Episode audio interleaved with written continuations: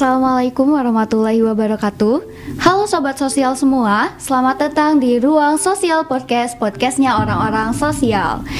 Bersama saya Cintia Hoirunisa Kali ini kita akan membahas mengenai salah satu program atau ajang yang paling bergengsi di kalangan mahasiswa. Nah, yaitu program PKM dan juga PIMNAS. Mungkin nih kalau bisa dibilang mahasiswa mana sih yang gak tahu atau gak kenal dengan PKM gitu karena minimal mungkin yang pernah mendengar atau pernah melihat temannya mengikuti PKM gitu. PKM atau singkatan dari Program Kreativitas Mahasiswa merupakan penerus dari program karya alternatif mahasiswa yang diadakan pada tahun 1997 dan pada tahun 2001 berubah nama menjadi Program Kreativitas Mahasiswa. Hal ini dilaksanakan agar dapat memperluas cakupan dan mengurangi batasan dari mahasiswa dalam berkreasi gitu. PKM ini memiliki beberapa tahapan seleksi hingga akhirnya finalis dari setiap kategori akan dilombakan dalam ajang Pekan Ilmiah Nasional atau PIMNAS. Setelah melewati proses yang cukup panjang dan menguras emosi dan tenaga mungkin ya teh nantinya pada ajang PIMNAS setiap finalis akan memiliki kesempatan untuk mendapatkan medali juara dari presentasi maupun poster dan Berhubung kesempatan untuk melaju ke PIMNAS apalagi bisa membawa medali itu merupakan kesempatan yang langka. Jadi tidak semua mahasiswa yang mengikuti PKM ini bisa melaju ke PIMNAS gitu. Maka dari itu uh, Ruang Sosial Podcast membawa bintang tamu yang sudah mencetak sejarah emas UPI di PIMNAS dan akan berbagi kisah serta pengalamannya selama berproses dari mulai mengikuti PKM hingga pada akhirnya melaju ke PIMNAS dan membawa medali ke UPI. Kita sudah bersama Teh Rizky Amalia. Halo, selamat siang Teh Rizky. Halo, Bagaimana kabarnya? Siang. Alhamdulillah sehat. Boleh dong ya Teh, sebelum masuk ke topik utama kita pada siang hari ini, kita berkenalan dulu dong Teh, karena kan kalau misalnya tidak kenal tidak sayang gitu. Boleh Teh, emang enggak? Uh, halo semuanya, perkenalkan saya Rizky Amalia dari Pendidikan Sosiologi angkatan 2019. Oke, dipanggilnya apa nih Teh? Um, biasanya dipanggil Riris. Oke, okay, Teh Riris. Halo Teh Riris. Uh, mungkin langsung saja nih ya Teh. Kita tanpa berlama-lama lagi, kita langsung membahas topik utama pada hari ini. Karena sobat sosial sendiri pasti sudah tidak sabar mendengar cerita pengalaman Teh Riris selama mengikuti PKM dan juga PIMNAS. Dari mulai pertanyaan pertama mungkin ya Teh kenapa sih teh? Uh, teteh ikut PKM gitu. Ya uh, jadi mewakilin apa ya teman-teman juga ya yang setim gitu pengalaman di PKM ini. Jadi uh, motif mengikuti PKM itu sebenarnya adalah niatnya untuk belajar. Belajar bagaimana sih menulis proposal yang baik kemudian menulis karya tulis. Karena uh, jujur ya sebelumnya tuh memang belum ada sama sekali uh, pengalaman menulis karya tulis. Kemudian uh, apa ya menul apalagi menulis proposal jadi um, diniatkan uh, awalnya mengikuti PKM itu adalah untuk uh, sarana belajar uh, agar kita apa ya bisa menulis suatu karya tulis seperti itu. Oh oke okay, oke okay, oke. Okay. Jadi memang uh, niat utamanya adalah belajar ya teh ya. Terus uh, gimana sih teh perjuangan teteh gitu selama proses-proses yang telah terjadi itu sampai akhirnya teteh bisa tembus gitu ke PIMNAS? Ya, jadi uh, perjuangan banget yang kerasa itu uh, ketika tim uh, lolos pendanaan pertama. Hmm. Jadi ketika lolos pendanaan itu um, apa ya? Kita berusaha untuk semaksimal mungkin. Jadi karena waktu itu pandemi, namun tetap uh, apa ya? Bela-belain gitu buat ke Bandung karena agar diskusinya berjalan dengan lancar tentu juga dengan protokol kesehatan. Um, jadi waktu itu persiapannya ketika apa ya? Uh, sudah pendanaan itu memang diusahakan maksimal seperti semua komponen-komponen PKM itu uh, seperti apa ya? Setelah pendanaan itu kan kita harus membuat laporan kemajuan. Nah, itu memang uh, diusahakan yang maksimal karena waktu itu juga membuat suatu naratif review gitu ya. Um, artikel berbasis studi literatur. Jadi waktu itu memang uh, sangat maksimal gitu di sana. Dan memang ya kalau mengikuti PKM harus butuh niat dan komitmen yang kuat gitu di antara ketuanya ataupun anggotanya ataupun dosen pembimbingnya juga sehingga bisa tembus ke PIMNAS. Jadi memang prinsipnya pada saat itu adalah usaha yang maksimal. Jadi apa pun uh, hasilnya yang penting usaha maksimal dulu karena uh, waktu itu pernah mendengar kata-kata seperti ini dari salah satu dosen UPI ketika coach uh, katanya kita tuh sebenarnya memiliki waktu 24 jam yang sama jadi um, ketika kita tidak berusaha maksimal itu kita akan apa ya sia-sia kita akan menyesal jadi um, selagi kita bisa berusaha untuk maksimal maka diusahakan maksimal jadi memang uh, ketika pendanaan itu titiknya kita berprinsip untuk berkomitmen sampai selesai dan mengusahakan apa pun itu sampai dengan maksimal semaksimal mungkin.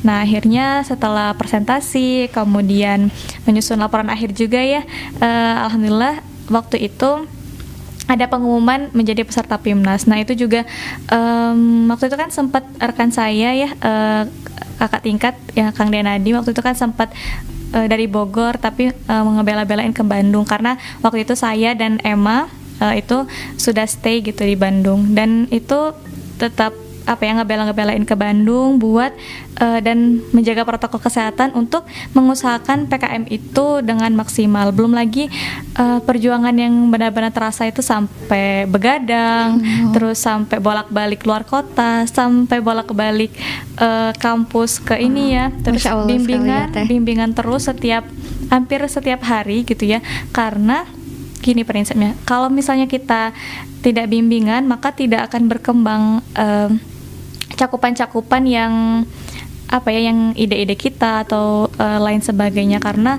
memang bimbingan kemudian diskusi dengan anggota tim itu sangat diperlukan. Jadi memang perjuangannya itu uh, selain mengatur waktu antara kuliah organisasi dan semuanya memang harus mengorbankan waktu. Karena waktu itu uh, komitmen kita adalah PKM penting di atas segala-galanya. Jadi Masya Allah. ya karena emang harus diperjuangkan karena kapan lagi gitu ya mendapat pendanaan sampai akhirnya PIMNAS dan uh, berjuang gitu. Wah luar biasa sekali ya perjuangan tembus ke PIMNASnya. Kalau boleh tahu nih Teh, kemarin Teteh ikut PKM apa Teh? Uh, eh, PKM penelitian sosial humaniora. Oh, berarti melakukan penelitian-penelitiannya yeah, seperti itu ya Teh. Uh, jadi kemarin judul PKM-nya apa nih Teh? Uh, judul PKM-nya itu mengangkat tentang pelecehan seksual dunia maya uh, yang spesifiknya itu ahwat hunter ketika perempuan berpakaian syari dijadikan sebagai objek fantasi seksual laki-laki. Wah, masya Allah sekali ya rekan-rekan semua karena uh, dari judulnya aja nih kita udah bisa mendengar bahwa ini tuh calon-calon pemenang di PIMNAS gitu kan karena memang unik sekali ya Teh jadi uh, mungkin dari awal sejak pemikiran judul ya teh itu harus sudah bagus mungkin. Um, Iya kak, jadi apa ya? Ide itu memang semua ide itu bagus, tapi memang uh, kita harus apa ya merealisasikannya dengan sering-sering ber, berdiskusi dengan dosen pembimbing, mencari rekan yang cocok, kemudian um, niat dan tekad yang kuat uh, sampai akhirnya kita menyelesaikan seluruh proses kegiatan PKM itu dengan baik. Okay, mantap sekali nih ya. Nih, uh, untuk mungkin uh, rekan sosial yang belum tahu, Teh Riris ini merupakan salah satu medalis emas PKM untuk bidang poster ya Teh, di, uh, dan mewakili UPI gitu di PIMNAS 33 ya Teh. Dan alhamdulillah gitu bisa membawa medali emas ke UPI gitu. Nah, kita pengen tahu dong nih Teh kira-kira uh, trik dan uh, trik and tips Teh gitu untuk ketika nanti kita ke Pimnas gitu agar bisa menang nih teh kayak teteh siapa tahu menular gitu yeah. kepada sobat sosial yang lainnya. Boleh. Jadi uh, tips and triknya ya uh, khususnya medali. Jadi waktu itu ketika Pimnas uh, ada yang unik sih. Waktu itu tim kita uh, memasang apa ya? Gambar pedali dari orang lain sih ngambil di Instagram itu buat dijadiin wallpaper di HP masing-masing. Jadi kan wow. setiap ngerjain apa ya Pimnas itu apa ya setiap ngelihat HP uh, eh, Bismillah gitu ya semoga uh, jadi apa ya buat memotivasi juga uh, buat kita tidak menyerah karena memang uh, banyak banget ya yang dikorbankan uh, capek iya tapi karena ngelihat itu terus apa ya perjalanan udah panjang jadi uh, ya kapan lagi gitu ya buat berusaha maksimal dan sekalian gitu untuk um, berharap gitu ya mendapatkan medali. Um, khususnya ya tips and trick um, apa ya emas gitu di poster ataupun di yang lainnya uh, di presentasi ya kategori yang lainnya itu uh, kalau di poster itu um, boleh gitu ya mengusahakan dengan bekerja sama dengan tim lain. Jadi um, jadi kalau misalnya tim kita ada keterbatasan untuk um, mengusahakan poster yang terbaik itu boleh dengan bekerja sama uh, dengan misalnya kakak tingkat ataupun um, peer teaching dan sebagainya untuk uh, membuat poster. Namun uh, bekerja sama juga gitu dalam pembuatan poster itu. Jadi uh, memang ada satu orang yang semisalnya fokus membuat poster di luar anggota tim namun yang lainnya mendorong untuk pembuatan uh, apa ya studi boardnya kayak isi-isinya apa aja harus gimana konsepnya. Jadi memang semuanya tuh bekerja sama bukan hanya uh, melepas melepaskan dan mengandalkan satu orang pun tapi semua anggota tim kemudian uh, pihak yang bekerja sama dengan kita untuk membuat poster memang harus um, apa ya dibentuk suatu iklim dan situasi yang sangat um, apa ya istilahnya um, tidak kaku, enjoy, namun tetap mengusahakan yang terbaik gitu untuk um, menampilkan poster yang terbaik. Nah, kalau untuk tips and trick um, menang di presentasi di kategori presentasi itu kita uh, memang harus kalau di PIMNAS harus menguasai materi dengan semaksimal mungkin khususnya bidang keilmuan yang kita um, ampu di PKM itu. Misalnya waktu itu uh, rekan eh saya dan tim uh, lebih ke sosiologi ya kajiannya. Jadi memang harus kuat gitu uh, pengetahuan di sosiologinya. Uh, kemudian memang harus aktif setiap anggota itu menjawab pertanyaan-pertanyaan dengan tangkas, uh, tegas, uh, kemudian cepat dan jelas gitu. Jadi memang semuanya semua anggota tim itu harus bekerja sama dan tidak hanya mengandalkan satu orang saja. Seperti itu. Masya Allah sekali ya tips and triknya bisa ditiru ya oleh sobat sosial semua karena tadi tuh uh, menjadikan medali medali itu sebagai wallpaper yeah. ya medali Pimnas. Jadi ketika buka HP tuh langsung bismillah, wah langsung termotivasi yeah. gitu langsung karena kan memang perjuangan sekali mungkin ya Teh. Uh, terus gimana sih Teh cara Teteh dalam mengatasi grogi gitu ketika presentasi di Pimnas saat itu Teh? Oh, iya. Jadi ketika presentasi pun itu sangat dipersiapkan. Latihan terus menerus setiap hari kemudian durasinya kan uh, itu kan presentasinya cuma 10 menit. Jadi uh, durasinya pun kita selalu pakai timer gitu ya.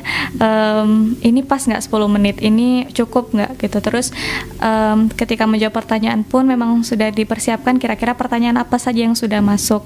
Terus ketika mengatasi grogi uh, waktu itu dosen pembimbing saya Pak Fajar pernah memberi tips ya. Kalau misalnya kita grogi itu terima saja kalau kita memang grogi eh, kita memang grogi. Jadi oh iya saya memang grogi namun dengan grogi ini saya tetap harus mengusahakan yang terbaik. Jadi kalau kita misalnya terus menolak bahwa kita tidak grogi itu justru yang membuat kita semakin um, tidak apa ya grogi dan tidak percaya diri. Karena kita tidak meyakini tidak mempercayai diri kita sendiri. Jadi misalnya kita grogi terima saja uh, bahwa kita tuh grogi namun kita harus tetap uh, mengolah ya rasa grogi itu untuk senantiasa diturunkan. Kemudian uh, kita tetap harus mengusahakan yang maksimal gitu. Tetap ya memang kuncinya praktis dan komitmen ya iya, ya. teh sekali. Iya mungkin uh, alhamdulillah ya teh uh, teteh bisa membawa pulang medali emas gitu. Boleh dong teteh memberikan pesan-pesan teteh mungkin kepada mahasiswa-mahasiswa UPI terutama mungkin mahasiswa baru nih yang baru-baru masuk ke UPI berhubung teteh kan angkatan 2019 ya tapi masya Allah sekali bisa mendapatkan emas gitu di PIMNAS gitu. Boleh dong kasih pesan-pesannya untuk uh, agar mahasiswa itu bisa terus berprestasi gitu. Iya um, sedikit ya. Uh, mungkin barangkali juga banyak orang yang berprestasi gitu ya. Uh, sedikit tips dari saya dan juga pengalaman ya bersama tim dan dosen pembimbing gitu. Uh, jadi ketika untuk mahasiswa baru khususnya uh, jangan pernah takut untuk memulai apa pun. Kadang uh, ketika kita jadi mahasiswa baru kita tidak percaya diri bahwa dengan kemampuan kita sendiri pun kita tidak percaya diri. Jadi dulu sebenarnya saya juga tidak percaya diri uh, ketika mengikuti PKM karena uh, saya tidak pernah mengikuti karya tulis dan tidak pernah memiliki pengalaman di dunia tulis menulis yang seperti itu, yang ilmiah ya. E, namun karena apa ya dorongan dari tim gitu ya dari dosen pembimbing memberikan kepercayaan diri gitu, akhirnya terus lanjut e, dan e, sampai sekarang gitu ya bisa e, mempertahankan untuk terus berusaha maksimal dalam setiap kesempatan. Nah jadi Nah, untuk teman-teman mahasiswa baru khususnya yang ingin mengikuti PKM, jangan takut karena uh, pasti akan didukung oleh teman-teman kita, oleh dosen pembimbing, oleh fakultas, prodi dan sebagainya. Jadi kita hanya harus mengusahakan yang maksimal, harus berani mengambil kesempatan karena kebayang nggak sih kalau misalnya dulu saya tidak mengambil kesempatan dan memilih untuk tidak melanjutkan PKM, uh, pasti kesempatan itu akan hilang dan uh, lenyap begitu saja aja. Jadi jangan pernah takut dan kemudian uh, berusaha maksimal karena yakin saja bahwa setiap teman eh, teman-teman kita ataupun dosen pembimbing pasti akan mendukung. Dan satu lagi um, mengikuti PKM itu banyak manfaatnya ya luar biasa selain apa ya ilmu pengalaman material uh, satu yang paling mungkin menggiurkan ya ketika kalian mengikuti PKM kemudian mendapatkan medali apa pun itu mau perunggu, perak, emas, kalian akan free skripsi gitu. Oke, okay, mantap yeah. sekali ya, alhamdulillah. Ya, jadi ya kapan lagi gitu ya e, bisa lulus jalur skripsi jalur iya. nggak perlu nulis skripsi ya, yeah, jadi jalur pimnas maksudnya. Iya jalur pimnas jadi jadi uh, setelah melewati proses yang sangat panjang gitu selama satu tahun ya teh kurang lebih. Selama satu tahun kurang lebih nih teman-teman mungkin uh, akan diimbali oleh prodinya atau mungkin fakultasnya itu seperti yang tadi dikatakan oleh Teriris free skripsi gitu. Karena memang kayaknya perjuangan di PKM dan PIMNAS juga sama ya teh seperti skripsi gitu walaupun oh, memang iya. satu tim gitu enaknya gitu mungkin ya teh ada rekan yang ada bisa rekan. membantu gitu kalau skripsi kan satu orang nih nah iya. kalau misalnya ikut PKM sampai ke PIMNAS nanti tuh enaknya itu itu ada timnya ya teh jadi tidak perlu susah-susah atau pusing-pusing sendiri pun iya. dosen pembimbing insya Allah ya teh selalu mendampingi gitu Oke, okay, alhamdulillah. Boleh dong teh uh, mau nanya lagi gitu terkait dulu ketika teteh awal-awal gitu kan teteh ma mahasiswa baru juga nih ini terkhusus untuk mahasiswa baru ya yang memang uh, memiliki perasaan yang sama seperti teteh tidak pernah berkecimpung di dunia kepenulisan ilmiah kira-kira langkah awal apa sih teh yang memang seharusnya mereka lakukan gitu ketika mereka uh, ingin mengikuti kegiatan PKM gitu Oh iya, uh, jadi khususnya ini ya uh, eh, PKM penelitian karena saya kemarin basicnya di sana. Jadi ketika misalnya mahasiswa baru ingin mengikuti PKM penelitian atau berbasis sesuatu yang uh, karya tulis ilmiah, maka ketika sudah memiliki ide, cobalah untuk berdiskusi dengan dosen yang dikira cocok gitu ya untuk uh, mendampingi kita uh, merealisasikan ide sampai dengan selesai. Nah, setelah diskusi kemudian carilah tim tim yang benar-benar berkomitmen, tidak setengah jalan, uh, satu visi dan satu frekuensi yang penting.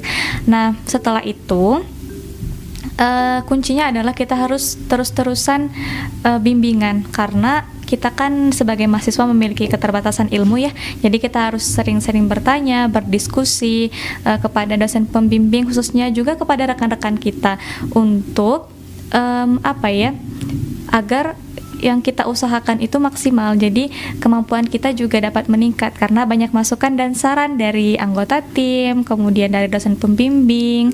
Uh, karena itulah uh, fungsinya kita terus bimbingan dan bertanya ya. Karena uh, kata pepatah kan uh, malu bertanya saat di jalan juga, uh, juga seperti itu.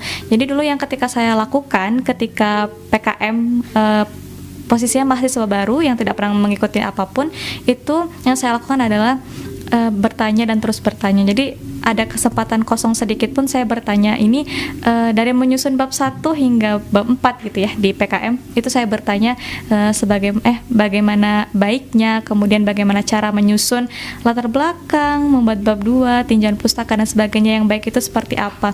Dan iya ketika kita stuck gitu ya mengerjakan suatu karya tulis karena keterbatasan ilmu kita ketika kita bertanya itu justru ada jalan keluarnya.